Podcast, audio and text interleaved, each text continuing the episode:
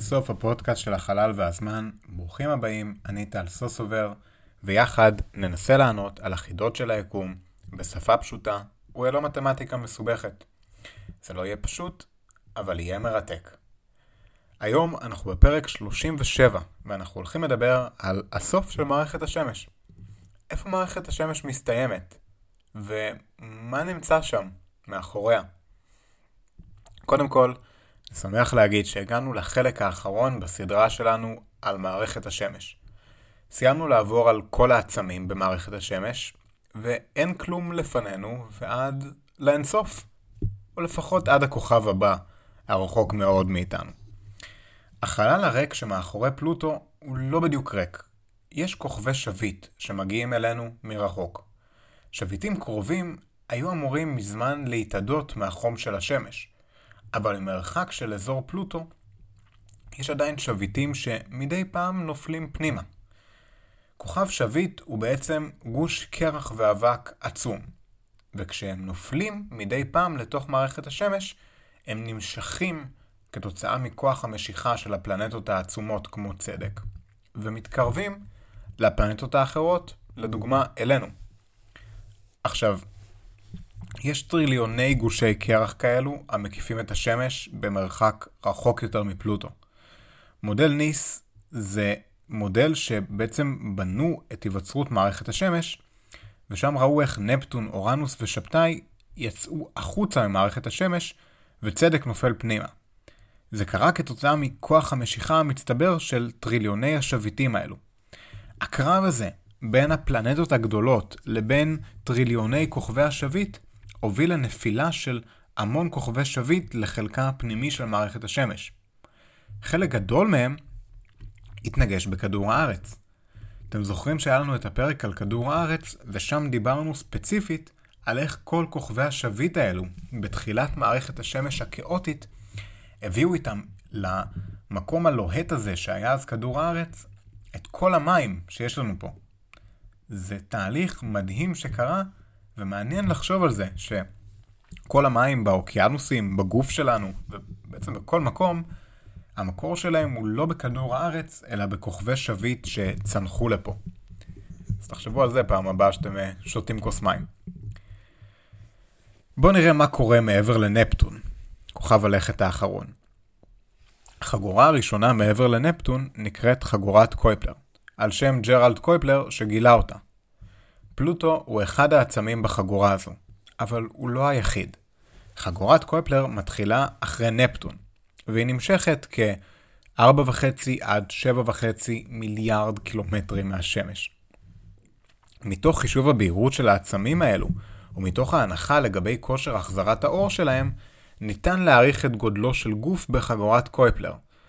החוקרים מניחים שכושר ההחזרה של גופי חגורת קויפלר לקוי, כפי שנמדד בגרעיני השביטים. כלומר, הוא משהו באזור פחות מ-10%. על סמך הנחה זו, חושבו הגדלים של הגופים במערכת קויפלר. הגופים נעים במסלולים המתחלקים לשני סוגים, לשני סוגים. גופי החגורה הם בעצם האמיתיים, הם נשארים כל הזמן במרחק של 30 עד 50 יחידות אסטרונומיות, שזה 30 עד 50 פעם המרחק שלנו מהשמש. זו הקבוצה הראשונה. הקבוצה השנייה נקראת גופים שהתפזרו, כנראה כתוצאה מכוח המשיכה של גוף אחר, והם יכולים להתרחק מהשמש עד למרחק של כ-100 יחידות אסטרונומיות. יש אפילו השערות על גופים שמגיעים למרחק של 400 יחידות אסטרונומיות. הגבול העליון של חגורת קויפלר הוא לא קבוע. מספ... אנחנו בסוף שמנו את הגבול כמספר הגופים שאחרי נקודת המרחק של 50 פעם כדור הארץ מהשמש. החל משם, כמות הגופים פוחתת באופן קיצוני. זה נקרא מרווח קויפלר, או מצוק קויפלר. ההשערה היא שגוף רחוק יותר, בעל מסה דומה לזו של כדור הארץ או מאדים, מסלק מהאזור ההוא את כל הגופים על ידי השפעתו הכבידתית. המר... המרחק הרב של הגופים האלו בחגורת קויפלר מהשמש גורם לזה שיש להם בעצם תאורה חלשה מאוד וקור עז על פני השטח שלהם. עוצמת התאורה של השמש באזורים האלו, במצב המואר ביותר, דומה לעוצמת התאורה של הירח על כדור הארץ בליל ירח מלא. חישובי טמפרטורה מצביעים על טמפרטורה של כמה עשרות מעלות מעל האפס המוחלט. זה מאוד מאוד מאוד קר, בסביבות המינוס 200 מעלות. הגופים בחגורת קויפלר קפואים. הם צפויים להישאר קפואים, אלא אם הפרעה מסלולית תסיט אותם לעבר פנים מערכת השמש. שם יתאייד הקרח, הוא יתאדה, ואז הם יהפכו להיות שביטים מהמניין. כאלו שהם מאירים לנו את הלילה מדי פעם. למרות שרוב גופי חגורת קויפלר אינם גדולים במיוחד, בדרך כלל לא יותר מכמה מאות קילומטרים לכל היותר, יש ביניהם מספר גופים בעלי מימדים גדולים בהרבה. הדוגמה המוכרת ביותר היא פלוטו. מסיבה זו, לאחר גילוים, היה ויכוח האם צריך לזכות את העצמים הגדולים האלו כהכרה ככוכבי לכת. ועל סדנה אפילו הכריזו בחגיגיות ככוכב הלכת העשירי, רק בשביל לבטל את זה קצת אחר כך. בסופו של דבר, הוחלט שפלוטו צריך לרדת למעמד של כוכב לכת ננסי, בגלל השתייכותו לחגורת קויפלר. וכן, בגלל התכויות שמאפיינות כוכבי לכת ננסיים. דיברנו על זה בפרק 35, כשדיברנו ספציפית על פלוטו. לבינתיים, פלוטו הוא פשוט הראשון שהתגלה, אבל יש שם עוד כמה פלנטות ננסיות מעניינות. אה, נדבר נגיד על אה, האומיה, זה אלת הלידה והפריון במיתולוגיה אה, של הוואי, ההוואית. היא התגלתה ב-2005 והיא קצת דומה לביצה. מקי מקי, קצת יותר גדול, אה, כבר עגול, בהיר יותר מפלוטו. מקור השם הוא האל שברא את העולם לפי המיתולוגיה של בני אה, איי הפסחא באוקיינוס השקט. קו הוואר התגלה בשנת 2002, הוא נקרא על שם אחד האלים של הילידים האינדיאנים באמריקה. הוא שוכן מיליארד קילומטרים רחוק יותר מפלוטו, ושנה אחת שלו היא 288 שנים שלנו. בניגוד לפלוטו אבל, ההקפה שלו היא כמעט מושלמת. אורקוס, שהתגלה ב-2004, רחוק מאוד, 7 מיליארד קילומטר מהשמש, ובערך חצי מהגודל של פלוטו. מי יודע מה עוד נגלה שם? נראה שמדי פעם מוצאים עוד ועוד עצמים מעניינים במרחקים המטורפים האלו מהשמש. בואו נדבר על החגורה האחרונה. החגורה האחרונה היא הרחוקה מכולן. היא מתחילה בערך אלפיים פעם מהמרחק שלנו מהשמש. זה מטורף, זה רחוק בצורה שהיא לא תיאמן. החגורה הזו ממשיכה המון המון קילומטרים, אולי עשרה טריליון קילומטרים, או שנת אור מהשמש. זה עצום. האמת היא שלא ברור לנו איפה החגורה הזו אה, נגמרת באמת. היא נקראת עננת אורט, והיא הסוף של מערכת השמש. היא רחוקה מאוד. לפעמים עצמים מעננת אורט נופלים לכיוון השמש. המסע שלהם הוא ארוך מאוד. עננת אורט משתרעת על פני שטח עצום של כ-10% עד 20% המרחק בינינו לכוכב הקרוב ביותר. העננה מכילה כ-100 מיליארד גושי קרח ואבק, שהם הופכים לשביטים כשהם מתקרבים אל השמש, ואז הם מפתחים את הזנב המוכר שלהם. בעננת אורט קיים כאוס, אי סדר, מוחלט, לגבי התנועה של החומרים, כי כוח הכבידה שם לא בדיוק משפיע. עיקר מה שמכתיב את התנועה של גושי החומר הוא דווקא הכוחות המגנטיים של השמש. אה, מה יש שם? יש שם כל מיני עצמים די מוזרים. בסוף זה הרבה מאוד אה, גופים קטנים שמורכבים מאבק וסלע וקרח. ככל הנראה הגורם החשוב ביותר להפרעות במסלולים בעננת אורט ולהגעה שלהם אלינו הוא הפוטנציאל הכבידתי של הגלקסיה עצמה. כאשר מערכת השמש עוברת בתוך או בקרבת ענן של עצמים אחרים, בשביל החלב, ערפיליות כהות המכילות מסה עצומה, הן יכולות להיות בעלות השפעה רבה על הגופים האלו. עכשיו צריך להגיד שהשמש כמובן, כמו כל דבר ביקום פחות או יותר, היא לא סטטית. מבחינתנו היא סטטית, אבל השמש ביחד איתנו וביחד עם צדק וכל מערכת השמש מקיפה את מרכז שביל החלב. במעבר הזה יכולה לעבור בקרבת אותם עננים מולקולריים, שזה שם לא מדהים לפשוט ערפיליות של מסה של הרבה חומר. המעברים האלו יכולים לגרום להאפה של כל מיני גופים מעננת אורט לתוך מערכת השמש. בפועל לא ברור בדיוק מה אחוז הגופים שיוסרו מהעננה בכל מעבר, וכמה מעברים כאלו באמת התרחשו בארבעה וחצי מיליארד השנים מאז שנוצרה מערכת השמש. אוקיי, עכשיו הגענו לסוף. לסוף. הסוף של מערכת השמש. הסוף של עננת אורט. מה יש שם? נמסיס. נמסיס הוא שמו של בן לוויה היפותטי, המקיף את השמש במחזור של 1 ל-26 מיליון שנה. היפותטי כי לא ברור האם הוא קיים באמת. את ההצעה לקיומו העלו לאחר שהתגלו עדויות להכחדות המוניות של מינים על פני כדור הארץ בערך כל 26 מיליון שנה. האמת היא שמחזוריות ההשמדה היא לא בדיוק 26 מיליון שנה, כי אין כל כך מחזוריות של הכחדה בכדור הארץ. אבל הרעיון הוא שהנמסיס הזה, שחצי הציר הארוך של מסלולו הוא 90 אלף פעם המרחק שלנו מהשמש, יכול להגיע בשיא קרבתו ל-10,000 עד 20,000 פעם מהמרחק שלנו מהשמש. כשהוא מגיע למרחק כל כך קרוב, הוא מפריע לגופים בעננת אורט ומעיף אותם לתוך השמש. על כן, פחות או יותר, אחת לכל 26 מיליון שנים, גדל שטף השביטים הנופלים לעבר מערכת השמש הפנימית, וגדל מאוד הסיכוי להתנגשות שלנו עם שביט כזה, וכתוצאה מכך, להכחדת מינים. שוב, זוהי רק תיאוריה, אז לא צריך להיבהל. ככל הנראה, התיאוריה על קיומו של נמסיס היא לא כל כך סבירה, ולא נכונה. צר לי לאכזב. נשמע מגניב שיש איזה משהו שאורב לנו שם בחושך, איזה נמסיס כזה, אבל הסיבה העיקרית היא שהמסלול של נמסיס פשוט לא יציב מספיק. מסלול היפותטי כזה, אה, תוך משהו כמו 200 מיליון שנה, אמור להתנתק מהשמש ולעוף למרחב הבין כוכבי.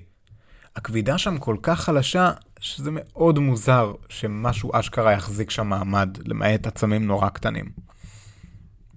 ייתכנו הסברים אחרים להכחדות ההמוניות בכדור הארץ. יכול להיות שמעברים של השמש דרך הגלקסיה שלנו גרמו לדברים אחרים. יכול להיות שכאשר השמש מגיעה לנקודה שהיא מקבילה למרכז שביל החלב, אז במסלול שלה עובר משהו שמשפיע על המסלול. לדוגמה, השמש מקיפה או עוברת דרך מישור הגלקסיה אחת ל-35 מיליון שנים. נמסיס, אלת הנקמה, יכול להיות שהיא משהו שנמצא שם, וזה איזשהו כוכב מסוג ננס אדום או ננס חום. אם היא קיימת, וכנראה שהיא לא קיימת. כנראה שאי אפשר להסביר את ההכחדות בכדור הארץ דווקא עם סייקלים כאלה. שני צוותי האסטרונומים, אה, וייטמר וג'וקסון ודוויס הוט ומולר, פרסמו באופן עצמאי באותה מהדורה של כתב העת המדעי Nature, היפותזות זהות שנועדו להסביר את תיאוריית מחזוריות ההכחדה. ההיפותזות האלו הציעו כי ייתכן ולשמש יש כוכב לוויה שטרם נתגלה, החג סביבה במסלול מאוד אליפטי, המושפע אה, מהמחזורים האלו, ובעצם כתוצאה מהמחזורים האלו מדי פעם הוא זורק כוכבי שביט מעננת אורט לתוך מערכת השמש הפנימית. ההיפותזה הזו נודעה כהיפותזת נמסיס, היפותזת כוכב המוות. ואני בכוונה מדגיש אותה כי היא נשמעת כל כך מסתורית ומפחידה ומדהימה, ונורא קל ליפול בקסם שלה. אבל כנראה שהיא לא נכונה. עכשיו, אם כוכב כזה אכן קיים, זה כנראה לא ידוע. הטבע שלו ואיך הוא מתנהג לא ידוע. יכול שזה ננס אדום. יכול להיות שזה ננס חום. אם זה ננס אדום, אז הוא כבר ללא ספק היה קיים ברשימת הכוכבים. היינו רואים משהו ממנו. איש אינו יודע אם נמסיס הוא באמת חלק מהמציאות או שלא. אבל זה כמובן לא מפריע לסופר המדע הבדיוני המדהים, אסימוב, לשאול שאלות נוספות כמו, ומה אם לנמסיס, כמו לשמש שלנו, יש מערכת שמש של כוכבי לכת החגים סביבו?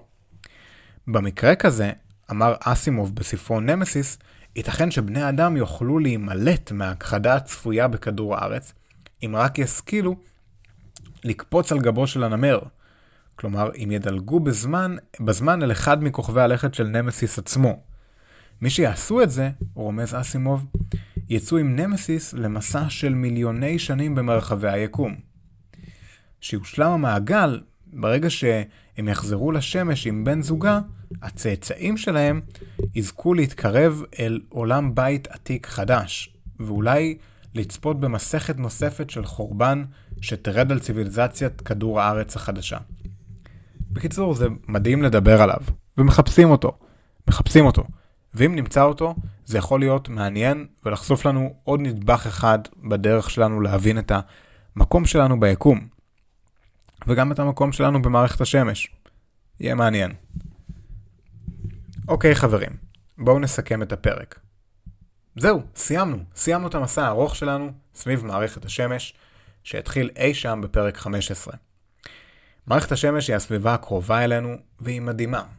כל פלנטה, כל עצם שהוא לא פלנטה, כל תופעה, מרתק, וזה ממש קורה כאן, בשכונה שלנו. היום דיברנו על חגורת קויפלר ועל עננת אורט. ייתכן שהן המקור למים של כדור הארץ מצד אחד, מקור החיים שלנו, וייתכן שהן המקור להשמדות ההמוניות בכדור הארץ, אותו נמסיס היפותטי, המקיף את השמש ומדי פעם יורה עלינו שביטים ענקיים. אנחנו לא יודעים, אבל מדהים לחשוב על האפשרויות הרחבות של הטבע, של מה שהוא מציב מולנו, על המרחקים העצומים, על הקשר בין הכל. תחשבו על זה ותחשבו איך הכל משפיע עלינו ועל כולם, ואיך מרחקים שהם אינסופיים בתפיסה שלנו, כמו שנת אור מהשמש, עוד רלוונטיים אלינו בכלל, ואנחנו מסוגלים לדבר עליהם. וזה מדהים לחשוב על זה כל פעם מחדש. תודה רבה רבה לכם על ההקשבה. הפודקאסט של אינסוף הוא יוזמה שלי להנגשה של חקר החלל לכולן ולכולם, ללא הבדל גיל, ידע מתמטי או כל הבדל אחר שתבחרו. הסקרנות שייכת לכולנו. אני תמיד שמח לשמוע משוב ולקבל פידבק על הפרקים. וכן גם לקבל ולענות על שאלות שלכם. בנוט של הפרק תוכלו למצוא פרטים ליצירת קשר איתי וקרדיט למוזיקה. יש לנו עמוד פייסבוק בשם אל האינסוף, מוזמנים לבקר שם ולכתוב את תגובותיכם לפרקים. הפרק הזה, כמו יתר הפרקים האי-זוגיים, הוא פרק העוסק בדברים פשוטים וקרובים אלינו יחסית, כמו מאדים, צדק, יופיטר, וכן, גם דברים קצת פחות קרובים אלינו, כמו נמסיס או דברים אחרים במערכת השמש. זה בעצם הפרק האי-זוגי האחרון שלנו, שעוסק באובייקטים ובדברים שנמצאים uh, בסביבה שלנו בחלל. החל מכאן ואילך אנחנו מתחילים לדבר בצורה יותר רציפה על דברים אחרים, ונפסיק לעשות הפרדה בין הפרקים על הסביבה הקרובה לעומת הפיזיקה. הכל מתאחד, ממש uh, התיאוריה של הכל. בכל מקרה, יש עוד המון מה לחקור, המון מה לדעת, הסקרנות לא יודעת גבולות, ובאמת כיף כל פעם למתוח את הגבולות שלנו בכל פעם מחדש. הפודקאסטים של אלה אינסוף זמינים עבורכם חינם בכל אתרי הפודקאסטים האהובים עליכם. אפל פודקאסט, גוגל פודקאסט, ספוטיפיי ובכל מקום בו אתם שומעים פודקאסטים. פרק כמו זה לוקח כמה שעות של עבודת מחקר, הכנה, הקלטה ועריכה. הפודקאסטים של אלה אינסוף זמינים עבורכם חינם ומתוך מטרה אישית שלי להביא את חקר היקום לכולן ולכולם. אם אהבתם את הפרק, בבקשה, שתפו אותו עם חברים שלכם, שתפו אותו עם משפחה שלכם, שתפו אותו עם קרובי משפחה רחוקים, רחוקים מאוד ממערכת השמש. שתפו אותם עם האויבים שלכם, עם הנמסיס. שתפו אותם עם כמה שיותר אנשים, ואני מקווה שאתם נהנים מהפרק הזה ומכל הפרקים. ועד הפעם הבאה, ושוב, תודה רבה לכם על ההקשבה. שלכם, טל.